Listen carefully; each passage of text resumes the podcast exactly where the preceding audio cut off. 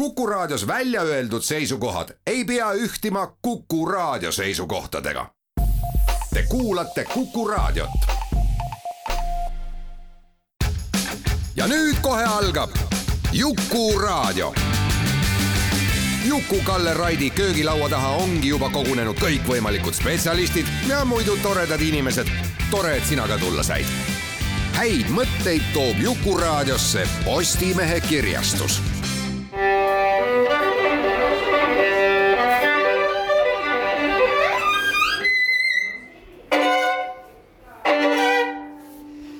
Laku panni. tere, hea Juku-raadio kuulaja, ilusat neljapäeva kõikidele. ja matemaatika näitab, et meil on neljasaja kuuekümne neljas köögilauasaade. Nagu tavaks, tuletame veidikene meelde lihtsalt, kellel võis eelmine kord vahele jääda, et millest me siis rääkisime, teinekord on isegi saadete vahel lõdvad seosed. aga nagu me teame, mitte alati, sest köögilauda ei saa ju mitte keegi ette ennustada, kui sulle keegi köögilauda tuleb, siis ta räägib, mida ta tahab nagu normaalsetel inimestel see asi käib. aga eelmine kord jah, me rääkisime vabamüürlusest Eestis ja ütleme siis ka lääne esoteerikast laiemalt. Siis olid kohal Toomas Abiline Linnamuuseumist ja, Meelis Piller, kes seda lääne esoteerika asja üritavad uurida, sest üldiselt esoteerika huvilised ju jagunevad enam-vähem kahte lehte, need, kes usuvad, et kõiges on süüdi reptiilid ja vabamüürlased ja siis need, kes arvavad, et ja lame, lamemaa ka ja need, kes arvavad, et need, kes räägivad reptiilidest ja vabamüürlastest, on idikad. Aga akadeemilist uuringut on äh, selle kaasaegse lääne esoteerika kohta ju tehtud vähe. nii et see oli üsna põnev ja muidugi vabamüürluse tekkes me kandusime ka äärmiselt kaugele minevikku, polegi midagi parata. täna on meil ka veidikene niisugune saade, kus me paratamatult äh, ei lähe mitte ainult tänapäeva, vaid minevikku ja me räägime ühest sellisest äh, kohast siin Euroopa kaardil, mille nimi on Ida-Preisimaa.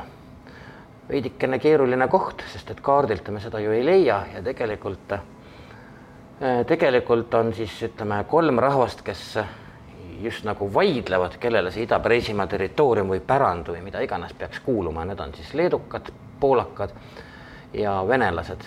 Mistap siis me nüüd oleme selle kaardil enam-vähem ka paika pannud, siia jääb siis Kaliningradi oblast ja, ja siis seal kõrval asuv Poola jääb jupikene Leedut. Miks me seda tegime, sellepärast et just eelmine nädal kandus niisugune üritus nagu Loodusomnibuss Ida-Preisimaale, oli üks hästi vahva ekskursioon. loodusomnibussi julgen üldse eriti suveperioodil soovitada kõik üritused, kultuuri- ja ajalooreisid, teatrireisid saab kätte aadressilt loodusomnibuss.ee iga nädal on midagi huvitavat. ent äh, Ida-Preisimaa ei ole meile võib-olla kõige tuttavam asi ja sellest on vähe kirjutatud ka.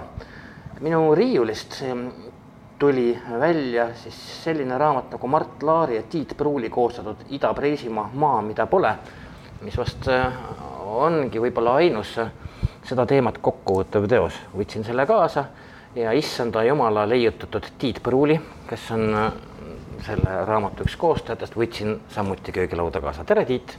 No tere, tere, oleks võinud mind kutsuda eelmine kord siis, kui reptiilidest räägiti. sa oleks ussidest tahtnud rääkida. see on mul äh, kodune teema.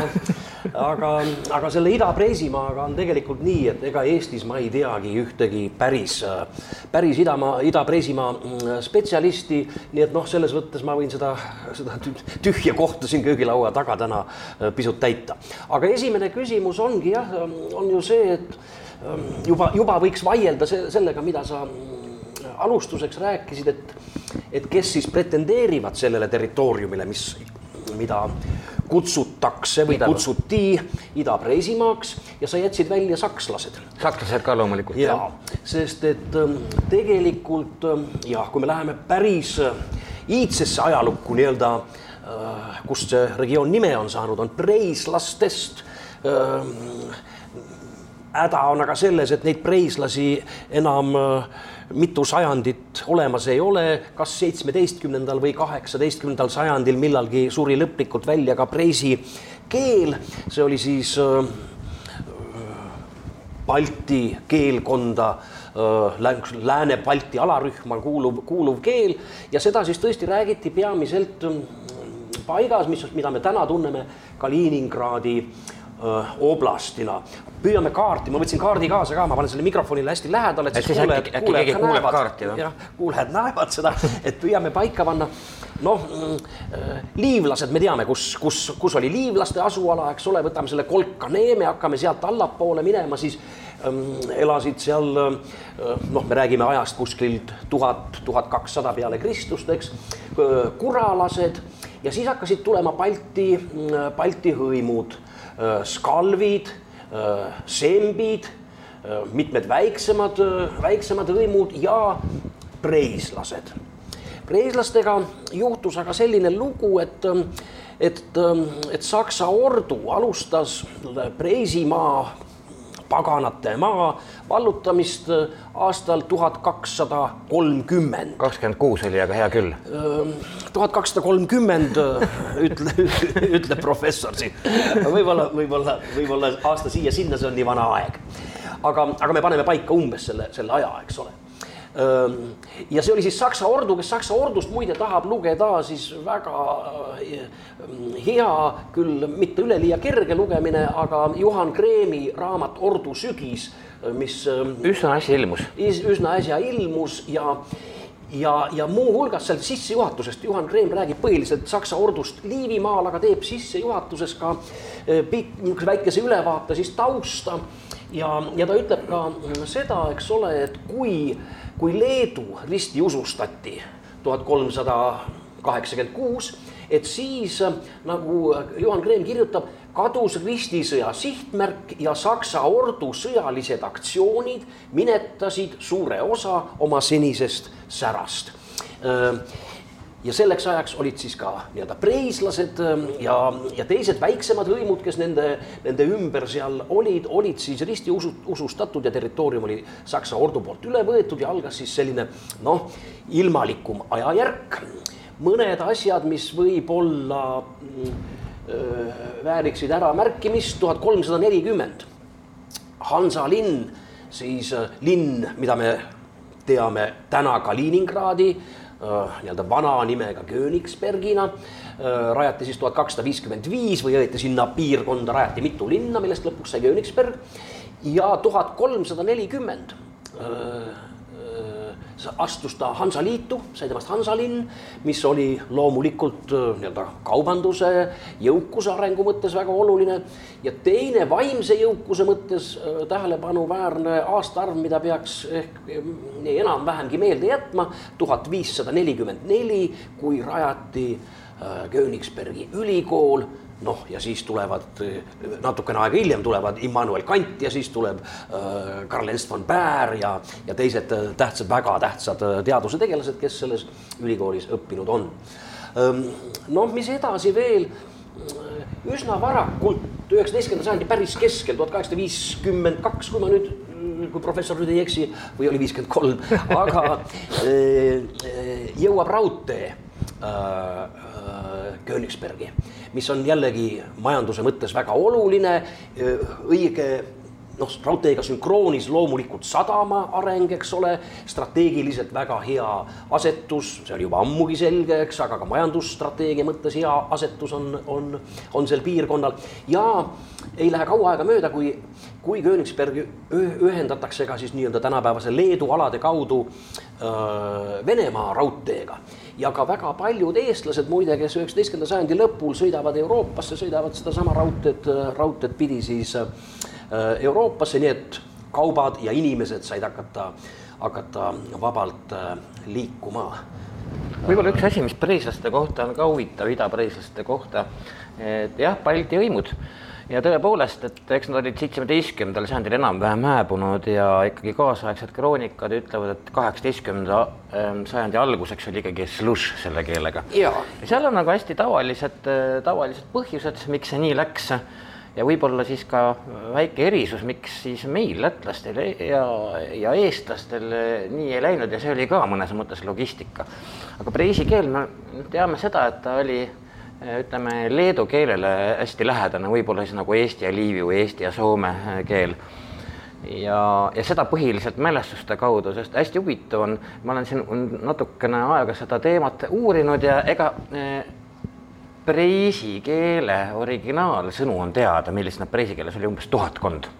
sest sellel ajal midagi kirja ei pandud, nii et, et lõppkokkuvõttes väga vanade preislaste äh, elust, kommetest me ikkagi teame ainult läbi arheoloogia, ei, ei läbi millegi muu.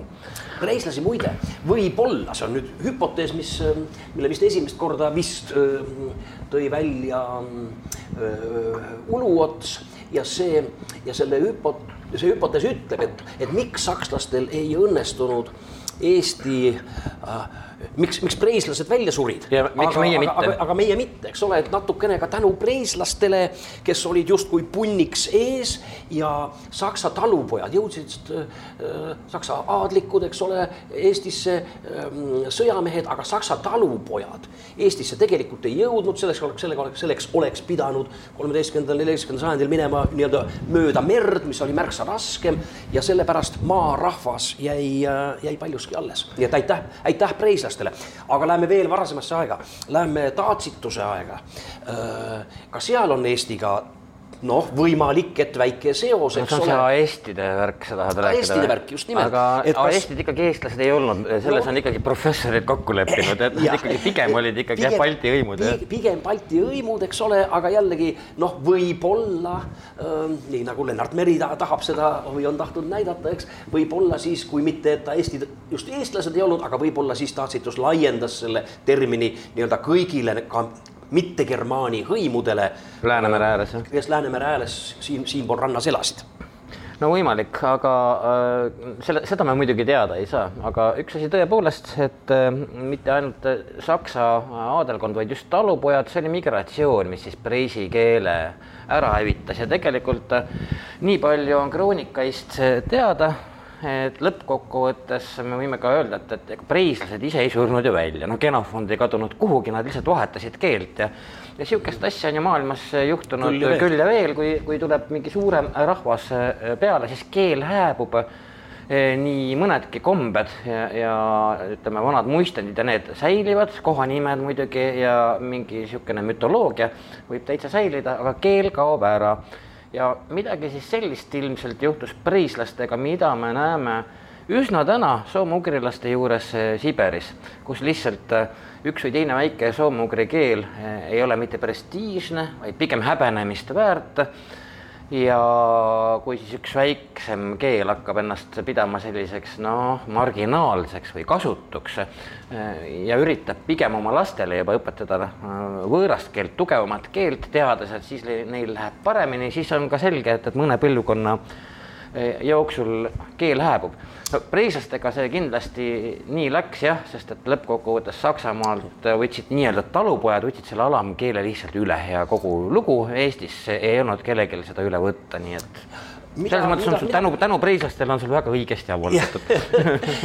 mis, mis, mida me, mida me ei ole veel öelnud, eks ole, selle territooriumi kohta või noh, nii nagu sa mainisid, eks ole, et, et nii leedulased kui poolakad tegelikult ähm, elavad tänagi vanal Ida-Preisimaa territooriumil, sest see Ida-Preisimaa ju läks omal ajal välja kuni Meemelini, mida me täna tunneme Klaipedani või õieti veel mõni kilomeetrikene teispoole, põhja poole Klaipedat, eks ole, ühelt poolt ja teiselt poolt siis ähm, tänased Poola alad, mis äh,, mis oli ka äh, Ida, Ida-Preisimaa ja Preisi riigi äh,, riigi osad siis, eks, aga kõik see muutus aastal tuhat üheksasada nelikümmend viis, kui äh, kui Preisimaa lakkas olemast ja see, kui kiiresti, kui brutaalselt Nõukogude Liit hävitas seitsmesaja aastase kultuuri, on muidugi. ja ka sealsed sakslased ära küüditas.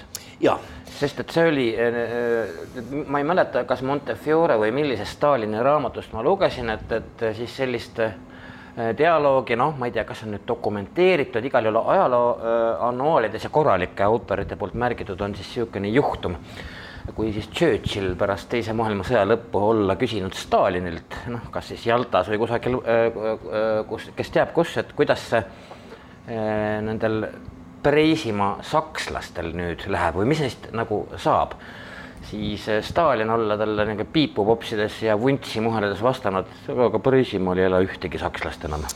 ja see, see otsustati lõplikult Potsdami konverentsil, eks ole, kui, kui Nõukogude Liit ütles, et et tema ampsab siis osa Jah. territooriumi ära, osa jäi Leedu NSV-le, see Klaipeda, Klaipeda piirkond, eks ole, osa siis Vene Föderatsioonile, Kalini-, Kaliningradi oblast enklaavina ja osa siis anti sotsialistlikule, sotsialistlikule Poolale. aga mida enne, see, teise maailmasõja aeg Ida-Preisimaal on üldse väga oluline, aga võib-olla mida enne veel jällegi nagu Eesti seostega öö, seoses võiks mainida, on ikkagi seesama sama Königsbergi ülikool. ja meie Karl Ernst von Baer asus sinna tööle aastal tuhat kaheksasada seitseteist ja Königsberg oli see, kus ta, kus ta mõtles mõtles siis välja või jõudis oma olulisemate äh, teadus, teadussaavutusteni ja, ja, ja kõik see Munaraku lugu on tal välja mõeldud siis, kui ta oli Königs, ta oli Königsbergis kokku seitseteist aastat kuni aastani tuhat kaheksasada kolmkümmend neli ja, ja, ja oli siis zooloogiamuuseumi direktor enamuse sellest, sellest ajast seal, aga Königsbergi ülikool on mänginud üldse olulist rolli baltisakslaste haridusteel. Äh, mõned Saksa ülikoolid veel, aga, aga Königsberg oli siis üks, üks, kus kõige rohkearvulisemalt äh, baltisaksa võsukesi oma, äh, oma hariduse said. Ja muide hiljem juba Eesti Vabariigi algaegadel käis, käis seal, käis seal ka mitmeid eestlasi haridust saamas jah, nii oli ja tegelikult me ju teame, et vahepeal kadus Poola riik üldse maailmakaardilt ära, et, et me räägime jälle üheksateistkümnendast sajandist ja see on siis see, mistõttu justkui venelased tänaseks äh, viitavad ajaloole, et noh, Preisimaal on ikkagi äh, väga soojad suhted äh, olnud, eks ole, just venelastega ja, ja isegi Putin on paar korda kraaksatanud leedukatele, kusjuures et et kui te siin mingit territoria-, territoriaalset joga hakkate ajama, siis kõigepealt tuleks äh, Kaliningradi oblastiga leid, äh, liita Klaipeda ehk seesama Meemel, eks ole, nii et, et, et eks ta segane on, on.. see, selle Meemeli, Meemeli piirkonnaga oli ju nõnda, et, et see võeti pärast esimest maailmasõda, oli mõlemad maailmasõjad olid äh, Ida-Preisimaale väga traagilised, eks. pärast esimest maailmasõda katkes siis neil ühendus Saksa emamaaga, tekkis see Poola, Poola koridor, Poola koridor sinna vahele ja lisaks siis öö, ähm, osa territooriumit, see Meemeli ümbrus, see anti siis Rahvaste Liidu egiidi alla kuidagi valitseda ja aastal tuhat üheksasada kakskümmend kolm läks see siis Leedu, kätte kuni kolmekümne üheksanda aastani, siis tulid sakslased, võtsid krõmpsti, äh, krõmpsti selle jällegi tagasi. see muuseas on ka küllaltki segane lugu, kuidas Meemel või siis Klaipeda Leedu kätte sattus kahekümne kolmandal aastal äh, sest eh, eh, me teame, et, et seal toimus ka midagi referendumi sarnast ja toimuski, kusjuures keegi, keegi ei tahtnud muuseas Leeduga ühineda. ma nüüd seda protsenti ei mäleta, aga seal oli kindlasti üheksakümmend prossa kohalikest inimestest, keda ei huvitanud Leedu riigiga ühinemine absoluutselt. ent nüüd jah, ma ei oska äh, öelda. sada viiskümmend kolm tuhat elanikku umbes oli seal. jah, ma ei oska jah. öelda siis, äh, mis kaudu ja, ja millist hooba kasutades äh, leedukad siis kahekümne kolmandal aastal selle enda kätte said, ma ei tea, kas sa tead seda? ja siin jääb ka Tarkade klubi vastuse võlgu, ei hakka, ei hakka praegu pakkuma. ei mäleta seda, seda lugu täpselt aga kõige halvemini sealt regioonist on muidugi otse loomulikult läinudki siis Königsbergil ehk Kaliningradil, noh, minagi olen seal paar korda käinud, see on üsna no nüüd ma ei kujuta üldse ette, mis seal toimub, eks ole ju, aga, aga kunagi ütleme aastat seitse-kaheksa tagasi oli ta üsna niisugune morn vaatepilt. Ja no siis peamegi võib-olla alustama sellest teisest maailmasõjast, eks ole, et äh, neljakümne äh, neljanda aasta äh, alguses jõudsid Nõukogude väed siis äh, nii-öelda Ida-Preisimaa piiridele ja, ja kui seni olid sakslased, ähm, Saksa väejuhatus, äh, Saksa poliitikud öelnud, eks, et, äh, et siin on piir ja siit me ei tagane, tsiviilelanikud ei tohtinud seni põgeneda, siis, ähm, siis jaanuarist alates anti luba inimestel lahkuda esialgu toimus see veel enam-vähem nii-öelda organiseeritult. aga pärast oli päris kõva paanika. aga lõpp oli väga-väga traagiline, noh kõige rohkem teada võib-olla on selle transpordilaeva Wilhelm Gustlofi lugu, mille pardal oli üle kümne tuhande inimese, kellest umbes üheksa tuhat siis hukkus, eks ole.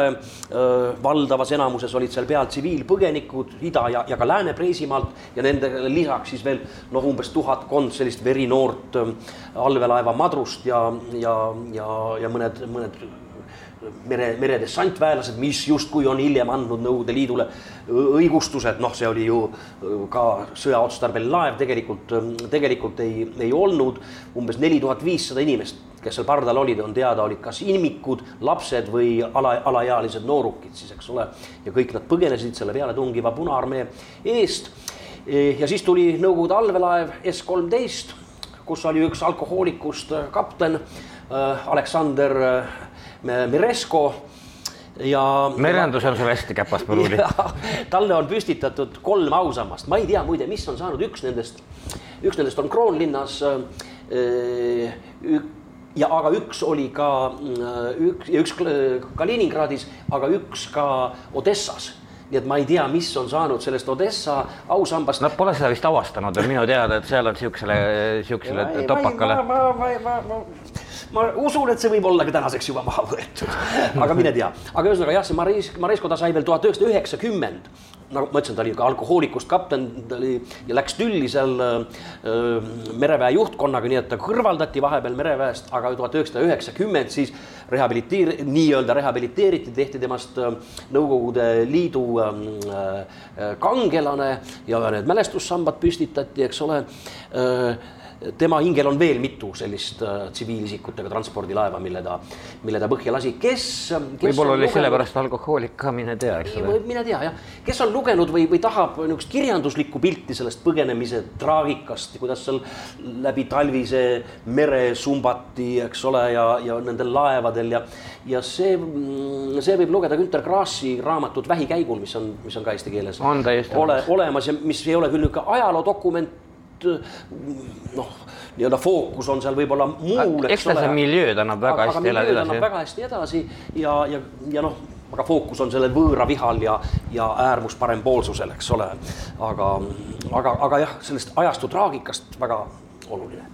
ja siis jõudsid äh,, kõigepealt pommitasid äh, Königsbergi muide inglased mm, -hmm. nii nagu nad pommitasid teisi yeah. Saksa lennu, linnu päris edukalt Äh, ja, ja siis jõudsid venelased kohale ja, ja, ja siis algas nii-öelda enamus inimestest oli loomulikult selleks ajaks juba põgenenud.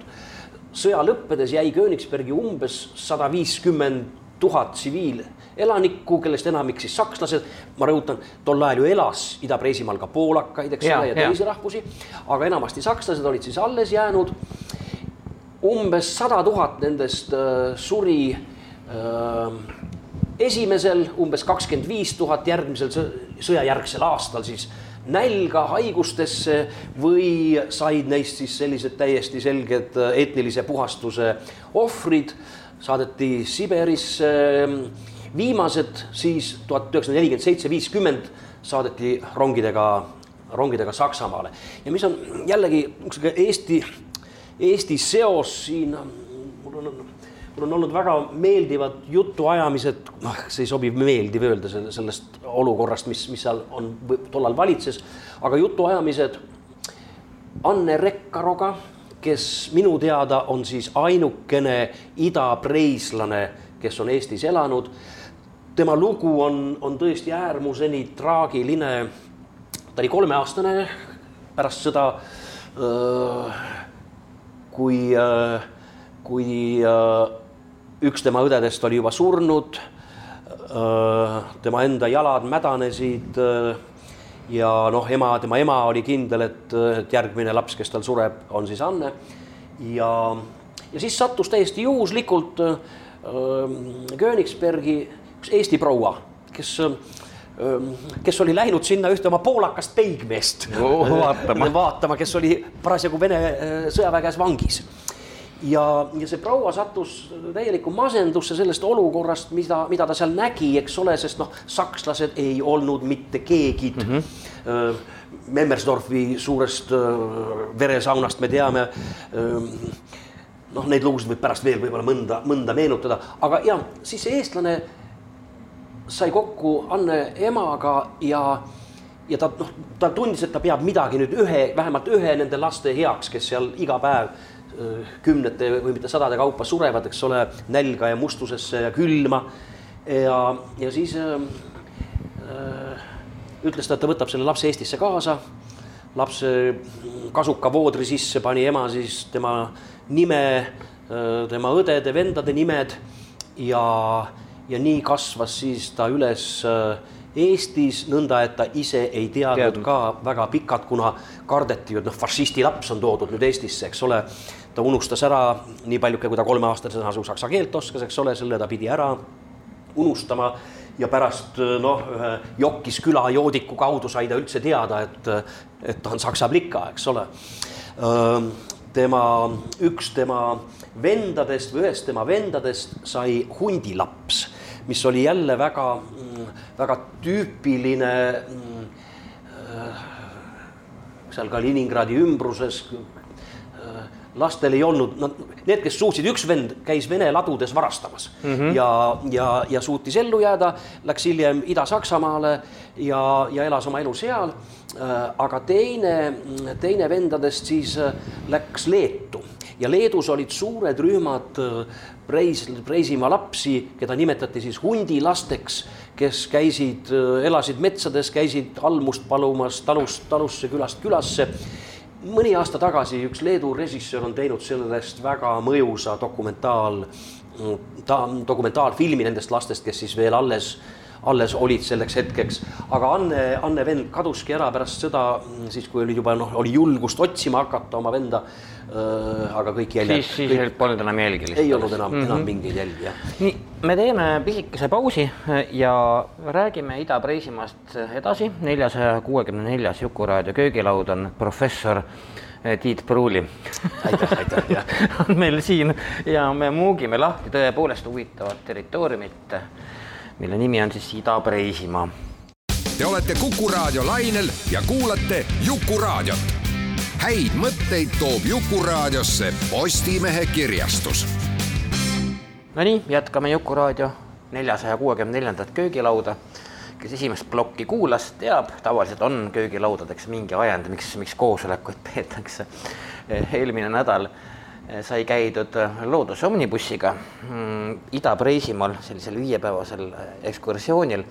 Ja see ajendas natukene sellest väga väga-väga eripalgelise ja värvikireva äh, saatusega territooriumist rääkima. poli-, politruk tuleb siia jutule kohe politruk tuleb kohale, sellepärast selle ütleb ühe asja ära, Juku-Kalle ütles, et ta käis Ida-Preisimaal ekskursioonil, inimestele tuleb ei... nüüd silme ette see, et ta läks Kaliningradi, käis paraadil seal ja ei käinud, Kaliningradi oblastis ei käinud, aga noh, et tõepoolest me saame öelda, et tänane Kaliningradi oblast on seal Ida-Preisimaa süda, aga ma ei tea, ma võtan endale julguse soovitada sinna mitte praegu minna tänases situatsioonis. kindlasti sinna, sinna me ei lähe, aga nagu me rääkisime ka esimeses saate pooles, Ida-Preisimaa on ka tänapäevane Leedumaa, tänapäevane. Poolamaa ja meil jäi jutt pooleli Anne ühest, ühest ma tahtsin öelda eestlannast, Anne tegelikult ise ütleb ka, et ega ta ei teagi, kes, kes ta täpselt on, et, et ta on ju Eestis üles kasvanud, ta toodi Eestisse aastal tuhat üheksasada nelikümmend kuus, kui ta oli suremas, ta sai hiljem teada, tema ema paar kuud hiljem suri. üks tema vendadest kadus Leedu metsadesse. Ja ega Anne ütleb ka, et, et ta on loomulikult Eesti kultuurist läbi imbunud, kasvanud siin, saksa keele õppis ta ära hiljem hoopis uuesti. aga, aga nagu ta ütleb, veri tõmbab mind midagi ei ole teha, veri tõmbab mind vanadele Königsbergi. nagu ütles Hardo Aasmäe, veri ajab rähnipuu otsa. nii ta, nii ta on, aga Anne on tegelikult teinud, ega meil sellest nii-öelda Königsbergi traagilisest sõjajärgsest saatusest ju väga palju räägitud ei ole. aga Anne on teinud ühe suurepärase töö, ta on tõlkinud ära kolm raamatut. ja ma soovin, need on, need on väga rasked lugemised need on nagu hinge kriipivalt, nutma ajavalt rasked lugemised, aga äh, hingehobune Ivan on ühe nimi. teine, ma nägin Königsbergi suremas. Ja kolmas Königsbergi naised tuhat üheksasada nelikümmend viis, nelikümmend kaheksa. mul on see kolmas on siin, on siin käes, ma loen ühe, ühe katke, et te aru saaksite, miks ma ütlen, et see ei ole kerge lugemine. Tegevus toimub aprillis tuhat üheksasada nelikümmend viis, Nõukogude väed on äh, jõudnud Ida-Preisimaale Königsberg ja Ida-Preisimaa on nende käes. kuid siis tuli hirmuäratav pime öö. kuigi paljud tüdrukud ja naised kõrgele, kõrgele õlekuhja otsa ronisid ja seal end õlgedega kattes peitu pugesid, otsisid sõdurid taskulampide valgel iga ruutmeetri läbi, trampisid õlgede all lamavate naiste peal ja leidsid nad ikkagi. Nad ei võtnud vaevaks karjuvaid naisi isegi eemale nurka rebida, nad võtsid neid kohe sealsamas laste ja ümberringi lebavate teiste inimeste ees. naiste kohutavad karjed kostsid küünis kogu öö läbi, lapsed nutsid alles vastu hommikut jäi rahulikumaks. see, mis toimus, toimus mitte ainult Ida-Preisimaal, vaid ka, ka Saksamaal üldisemalt siis, kui venelased sinna sisse jah, tulid. Nõukogude armee kangelastegudest on, on, on tehtud dokfilme, nüüd ole on, nüüd on, nüüd on hakanud ka sakslased sellest Jah., sellest Rääkima, rääkima, see oli noh, ju see oligi mingi alanduse ja häbi segu, miks, miks, miks, miks see võttis aastakümneid aega üks hiljutisemaid ajaloolisi nii-öelda akadeemilisi uurimusi ütleb, et äh, sõja viimase kuue kuu jooksul tõenäoliselt vägistati umbes kaks miljonit äh, Saksa naist. saksa naist. see, see julmus, seda julmust näiteks, selle julmuse vastu astusid ka mitte kõik Vene sõdurid ei olnud ju mm -hmm. vägistajad ja mõrvarid. astus näiteks Ida-Preisimaas võidelnud äh, Aleksander Solženitsõn kes seal arreteeriti äh, ja, ja, ja Gulagi läks. sellest muide on kirjutanud oma mittemälestustes äh, ka Juri Lotman Jah. ja, ja Lotman ka just analüüsib, et miks, miks see siis niimoodi oli ja neid põhjuseid kindlasti on päris palju. noh, esiteks kõrgem väejuhatus andiski loa, me oleme nüüd jõudnud meie vaenlase maale, tehke, mis tahate. Kuidas see lause, mis Narva sinna monumendi tapke, keda taha- tapame, keda tahame tapame, keda tahame, vägistame, keda tahame, röövime, keda tahame. Juri Lotman kirjeldab ka oma, oma nendes mittemälestustes ka seda, kuidas siis anti esimest korda õigus, et öö, sõdurid võivad hakata postipakke koju saatma. ja noh, see ei olnud enam suhkrukotike, mida varem oli kuskilt sõjaväelaost varastatud, eks. ja noh, mis sõdurid, palju need sõdurid jõudsid võib-olla saata ühe pesu, pesumasina, eks, aga ešelonide kaupa läksid, läksid siis ohvitseridele Ida-Preisimaalt öö, sealset, sealse rahva mm, nii-öelda varandus varandus varanduseks, aga see, mis inimestega tehti, oli muidugi, mida muidugi veel jubedam. noh, me teame No lugu, lugusid, kuidas neid nael, naelutati Jah. aidaseinade, vankrirattaste külge, ei olegi, ei Jah. olegi ilusa päeva jutt kõik, eks ole. jah, ja me teame ka neid, neid äh, pilte, mis on ka hilisematel aegadel äh, arhiividest välja imbunud, need kaheksa käekellaga lollakad Vene sõdurid Just, noh, just, ja just, nii edasi, noh just., mida on nagu naljakas vaadata, aga selle taga on tegelikult päris õud-, päris õudne olukord.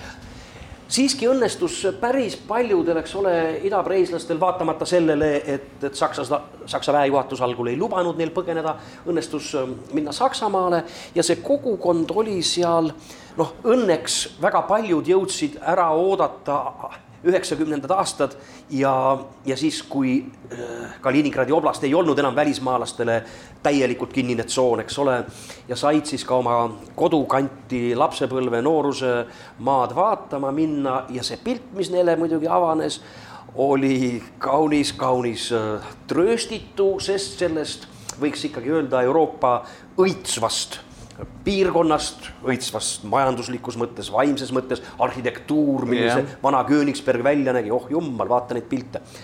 sellest oli saanud üks ahervare. venelased ise, näed, mul on siin, panen jälle mikrofoni lähedale, siis inimesed näevad, venelased ise on välja andnud turistidele mõeldud raamatuid. Königsbergi arhitektuuri mälestusmärgid, Königsbergi lossi. Neile, neile raadiokuulajatele, kes miskipärast praegu pilti ei näe, mida Pruuli teile näitab, võin ma öelda, et, et need raamatud tegelikult näevad välja nagu ütleme nagu pisikesed õhukesed luulekogud, ühesõnaga pisik- aga, aga mis on siin, mis on siin põnev on see, siin on vanaaegne pilt ja, Ja on kaasaegne pilt, kaasaegne eks ole. ja, ja noh, need on ilmunud siin kahe, kahe tuhandendate algul, kui Venemaal võis veel ilmutada raamatuid, mis näitavad, mida siis Nõukogude armee öö, Korda saatis, korda, korda saatis, eks ole. et öö,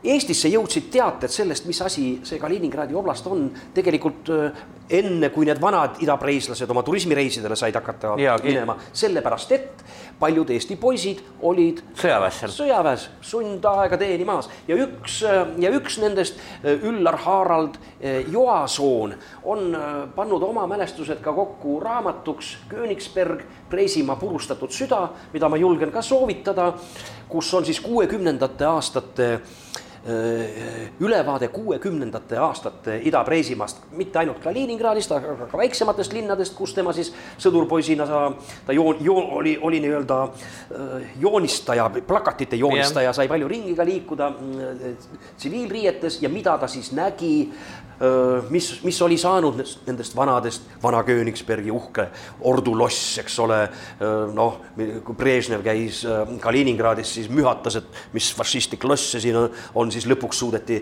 need paksud müürid enam-vähem õhku lasta, eks ole. Äh, mis imeline börsihoone, jällegi üks arhitektuuriliselt väga põnev, põnev ehitus, mis ka lõpuks küll nõukoguliku kvaliteediga aga restaureeriti või vana toomkirik, see sai ju sõjas uskumatult pihta, see restaureeriti siis nüüd juba hiljem äh, selle sajandi algules Saksa, sakslaste Saksa rahadega. raha, rahadega imekombel oli jäänud äh, alles Immanuel Kanti haud, mis seal kiriku seina ääres on, nii et see, see on ühes tükis siiani, siiani olemas ja pal- paljude nii-öelda palverännakute koht ka ja mi- millega seoses tasub meenutada, et üks äh, Immanuel Kanti surimaskidest on Tartu Ülikooli On. ajaloomuuseumis, nii et kui me praegu ei saa Kaliningradi minna Kanti hauale, siis saame kummardada teda Tartu. Ülikooli ajaloomuuseumis. jah, me oleme tõesti eh, praegu Kaliningradis, kuhu eh, noh, tõenäoliselt saab minna, eks ole ju, aga, aga kas see on võib-olla kõige targem mõte, noh,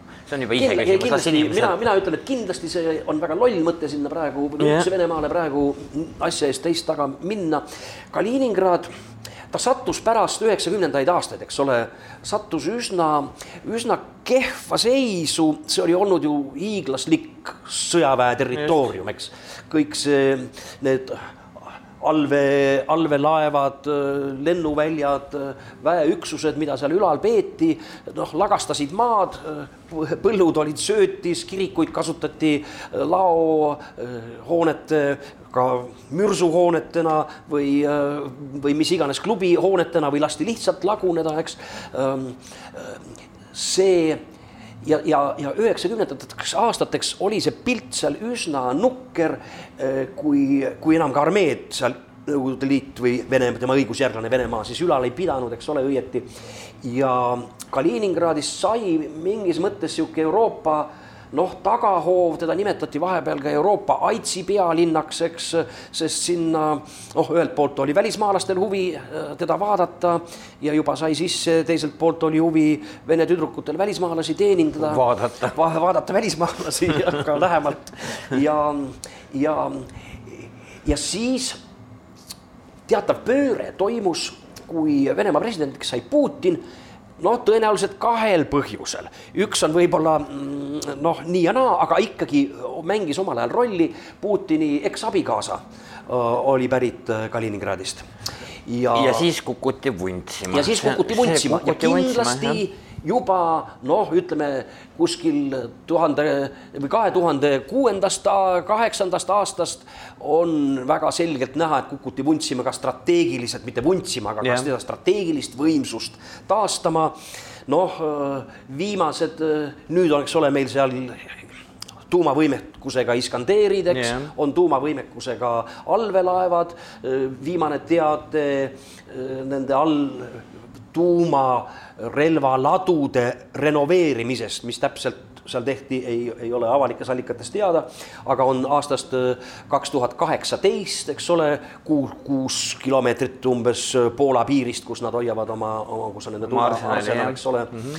et ähm, vaieldamatult on äh, strateegilises mõttes, sõjalises mõttes Kaliningrad Venemaale väga suur aktiva noh, tema roll nüüd on teatud määral kahanenud pärast seda, kui Rootsi, Soome ja, Rootsi. ja kohe loodetavasti ka Rootsi saavad NATO liikmeteks, eks ole, aga ikkagi äh, nii Euroopa südame no, keskel. julgeolekuoht ja täitsa raud, siin ei ole mitte midagi rääkida ja see ka, et, et see, see, selle eh, igasugune nagu rünnakvõimekuse on Putin oma südameasjaks võtnud, loomulikult see on niisugune hea saareke, eks ole. ja, ja seda head saarekest püüdis Putin ka ka majanduslikult poputada, eks ole, sinna taheti teha mm -hmm. majanduseritsoon, loomulikult ka valdav kaubandus käis öö, eh, otse Euroopaga kaks tuhat kuusteist oli jah, sai, sai Kaliningradi oblast endale uue kuberneri läbi ajaloo Vene kõige noorema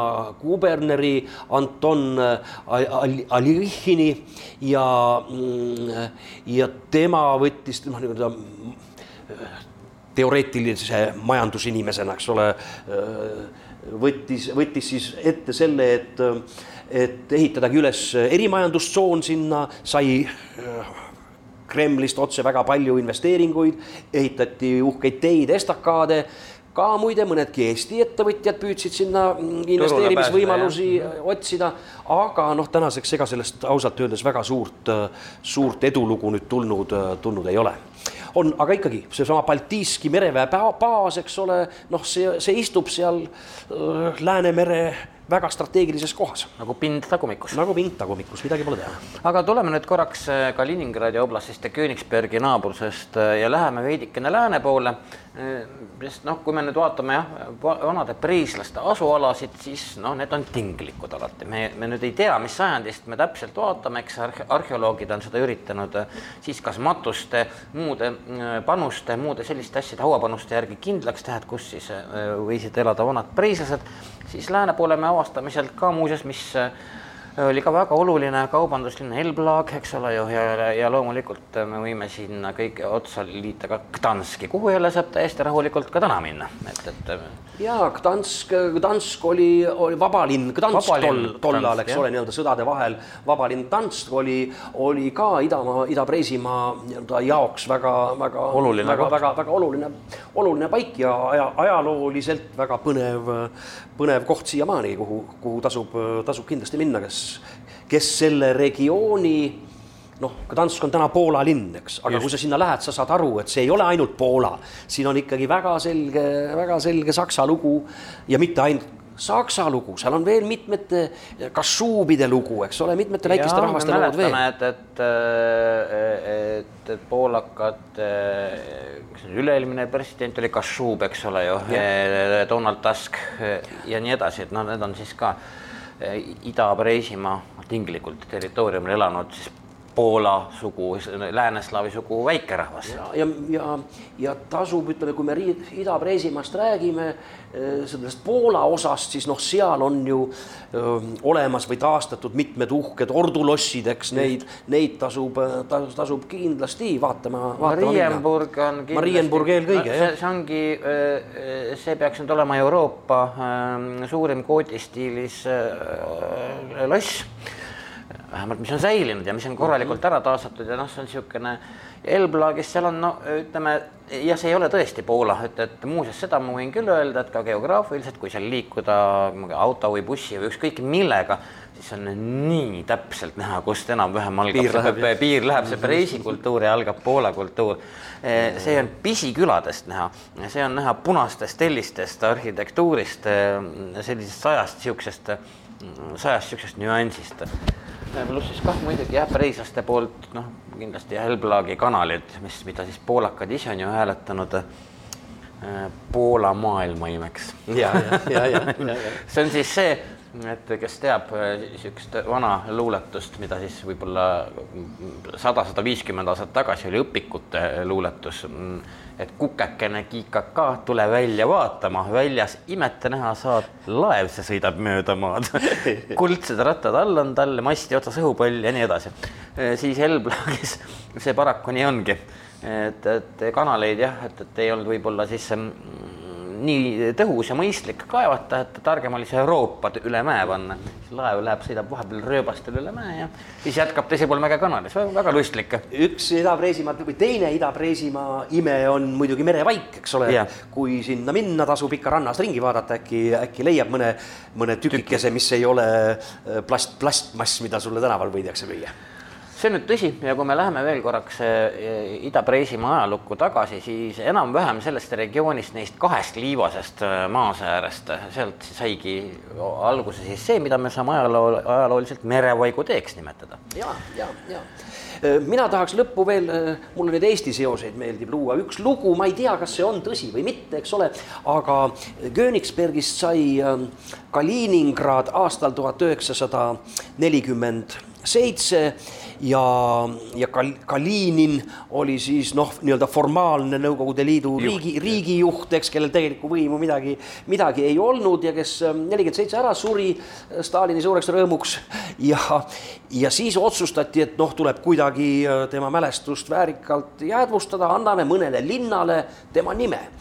Ja vot legend räägib, et tegelikult konkureerisid kaks linna Kalinin teatavasti oli töötanud ähm, Tallinnas, Tallinnas Franz Krulli tehases ja, ja Äh, et kas panna siis Tallinnale äh, Kalinini nimi. Äh, õnneks napsas Königsberg selle nime endale ja Tallinnasse jäi ainult Kalinini rajoon, sinna, kus see krullitehased vanasti olid. täpselt nii, Koplisse, aga ma nüüd ka olen seda ikkagi uurinud ja, ja eks ta on. ära ütle, et see, ära ütle, et see on jama, see on ilus kardan, lugu. ma kardan, et see ilus lugu ei vasta tõele, et, et me ei saa seda töövõitu enda arvele kirjutada, et Tallinn ei olegi äh,, Tallinn ei olegi Kaliningrad. Küll aga jah, me teame, et Eestis oli, äh, oli küll äh, kihk nimetada kindlasti ümber Kohtla-Järve, eks ole ju Stalini järgi, et, et kas ta siis pidi olema Stalinogorsk või, või midagi muud, eks ole ju. et see, äh, see asi on tõsiselt ette võetud kunagi, see on ka täiesti ajaloo annaalides kirjas. Tallinna kohta ei tea mina ühtegi inimest, kes oleks lugenud, et, et jäta mulle, jäta mulle see legend. professor Pruuli esitatud muinasjutt vastaks tõele aga palun, legendina on see muidugi huvitav, muuseas Kalinini kohta ja, ja Kaliningradi kohta siis kaudselt ka kellel on selle Kalinini Tallinna perioodi vastu huvi, noh, eks seda on muidugi kirjutatud eh, tuhandes teoses üle Nõukogude Liidu, neist osad ka eestikeelsed, aga väga huvitava lähenemisnurga on sellele andnud eh, seitsmekümnendatel kirjutatud raamat Vassili Aksjonov oli niisugune vene kirjanik, kes siis osutus dissidendiks ja kes Nõukogude Liidust välja visati seitsmekümnendate lõpul. Ja selle raamatu nimi on Armastus elektri vastu see on siis jutustus Kalininist.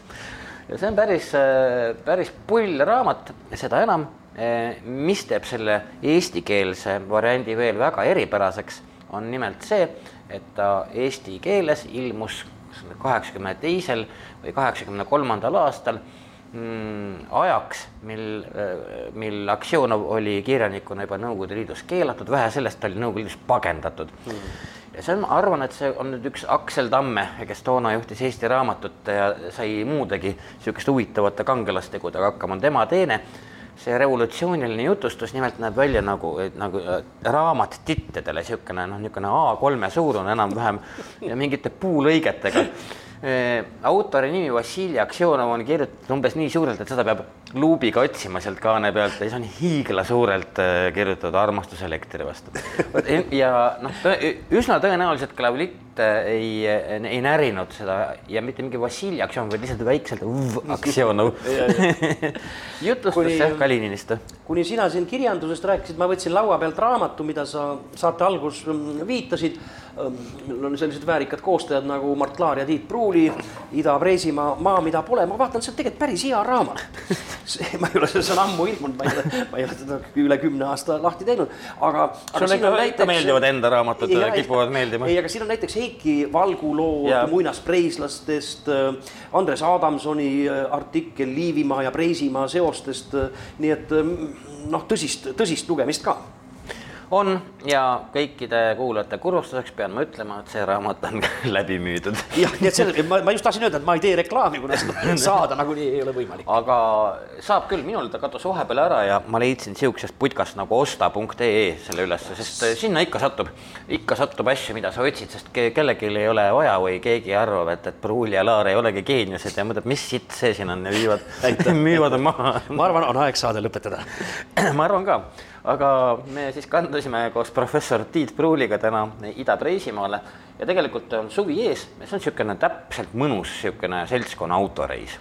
et paaripäevane eh, võin öelda, et igasuguseid niisuguseid hotellikesi, niisuguseid pisikesi, odavaid eh, vedeleb tee ääres lõputult oh,. minge Niidasse, Niida, Niidast me üldse ei rääkinud, imeline no. koht. imeline koht, Toomas Manni muuseum on seal ka veel kultuuriinimestele, kui tahab. noh jõuab, saab guugeldada ka, aga igal juhul eh, isegi ette ei tule midagi bronnida, et kui me seal käisime mingi e-, eelmine suvi lihtsalt mingi pisikese seltskonnaga, sõiduautoga, siis me kuskil õhtupoole, kui päike hakkas loojuma, hakkasime siis vaatama, et eh, kus siis peatuda ja alati, alati leidisime mingi koha, kus üsna, üsna taskukohaselt näiteks võrreldes Eestiga võib ööbida. nii et mina soovitan Ida-Preisimaa ette võtta, ma usun, et professor Tiit mm, ühineb. olen nõus, olen nõus, ilusaid reise. jah aitüma, see oli neljasaja kuuekümne neljas Jukuraadio köögilaud, aitäh, Tiit Pruuli, et sa tulla viitsisid ja selle äh, täis lõbiseda. meie kõik kohtume juba nädala pärast neljasaja kuuekümne viiendas Jukuraadio köögilauas. nägemist.